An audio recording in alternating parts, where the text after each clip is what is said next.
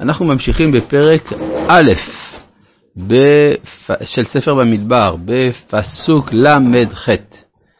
לבני דן, תולדותם, למשפחותם, לבית אבותם, במספר שמות מבין עשרים שנה ומעלה כל יוצא צבא, פקודיהם למטה דן, שניים ושישים אלף ושבע מאות.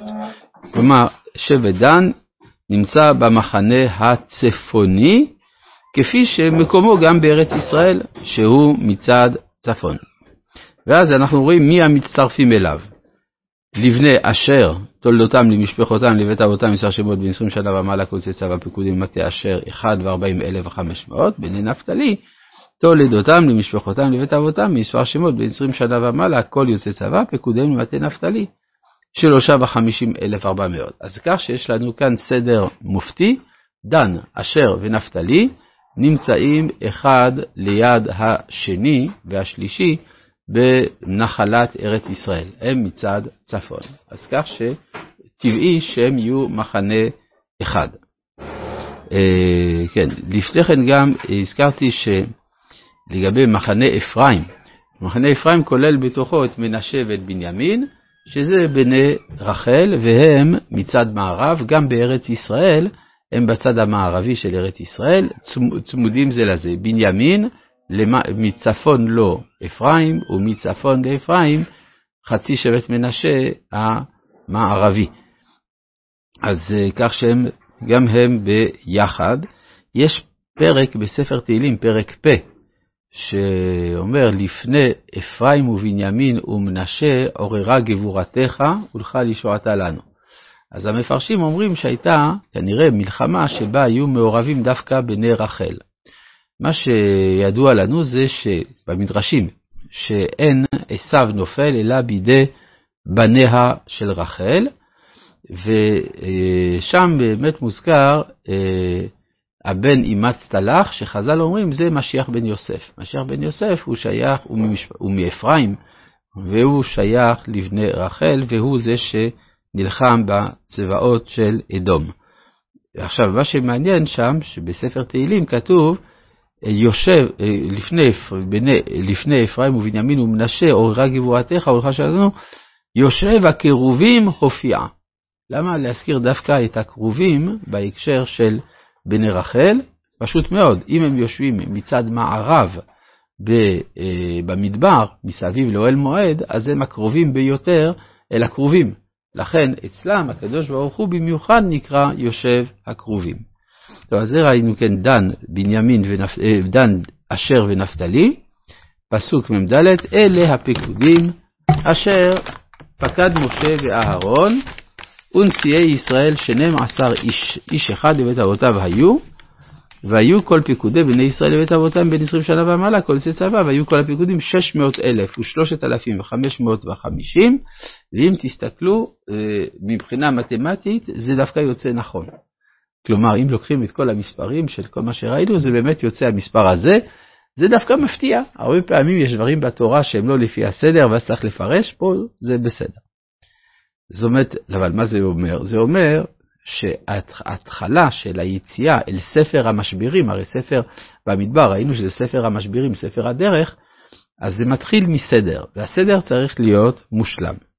לעומת זה, והלוויים, למטה אבותם, לא הותפקדו בתוכם. עכשיו, אה, הלוויים הם אה, סוג של אה, שבט שאין לו מקום לא פה ולא שם. נשים לב לכמה דברים. א', אות פקדו, איזה מין בניין זה? זה לא התפעל, כי אז היה צריך להיות התפקדו. זה לא הופעל, כי אז היה צריך להיות הופקדו. אלא זאת צורה שלא לומדים אותה לבגרות, אבל היא אחת מצורות הבניינים בשפה העברית. הרי תמיד לומדים בתיכון שיש שבעה בניינים. בעברית, כן? קל, פיאל, פועל, נפעל וכולי, אבל מצד האמת יש יותר מזה, אחד מהם זה ההוט פעל, הוט פקדו בתוכם, זה דבר אחד. דבר שני, הלוויים הם הדמות המרכזית של ספר במדבר, כשם שספר אה, ויקרא הוא ספר הכהונה, ספר במדבר הוא ספר הלוויה. למה? אם אפשר גם להשלים את זה, שספר שמות זה הספר של משה ואהרון, של אה, בראשית זה של האבות, אברהם, יצחק ויעקב, וספר דברים הוא הספר של ישראל, כן, כהן לוי ישראל, ויקרא במדבר דברים. מה מיוחד בשבט לוי? מה שמיוחד זה שאין לו מקום. כלומר, זה מי ש... אה, הם לא השתעבדו, בארץ ישראל אין להם מקום, אה, אין להם נחלה, מצד שני אריסטוקרטיה כהנית הם לא, אז זה משהו שמתלווה, כן, כהגדרתו של לוי הפעם ילווה אישי אליי, כלומר זה גורם לא יציב במציאות, זה הגורם, מה? הלוויים גם להם אין מקום. נכון, וכהונה גם. אלא מה? שזה לא נחלה, זה רק ערים, וצריך לשים אותם באיזשהו מקום. אבל הנחלה שלהם, כלומר הערים שלהם, זה בתוך השבטים האחרים. ולכן הכהנים והלוויים אין להם מקום, אבל הכהנים יש להם יתרון, שהם בראש הפסגה של החברה. כלומר, הם גם עוסקים בעבודת הקורבנות, ממש. זאת אומרת שהכהן נחשב, אפשר, למה שאמרתי, אריסטוקרטיה. ההמון, כלומר שאר שבטי ישראל, הם בעלי נחלה. הלוי הוא לא פה ולא שם, או כמו שאומרים בערבית צחה, נשתהין נשתהר. זאת אומרת שהוא אה, מהווה גורם שלא מיושב בעולם הזה. לכן הרבה פעמים הוא מופיע יחד עם הגר. גם הגר הוא מי שאין לו מקום כל כך בחברה. הוא מסתובב ממקום למקום. הגר והלוי הם שייכים לאותו עיקרון.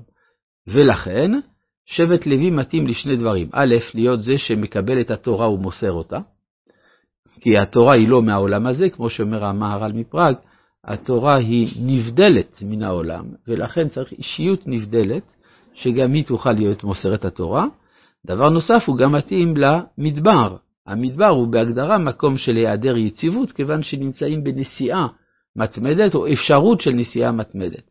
לכן במרכז המחנה נמצא שבט לוי, לעומת מה שראינו כבר שבארץ ישראל, במרכז השבטים נמצא שבט בנימין, כי הוא הנולד בארץ ישראל.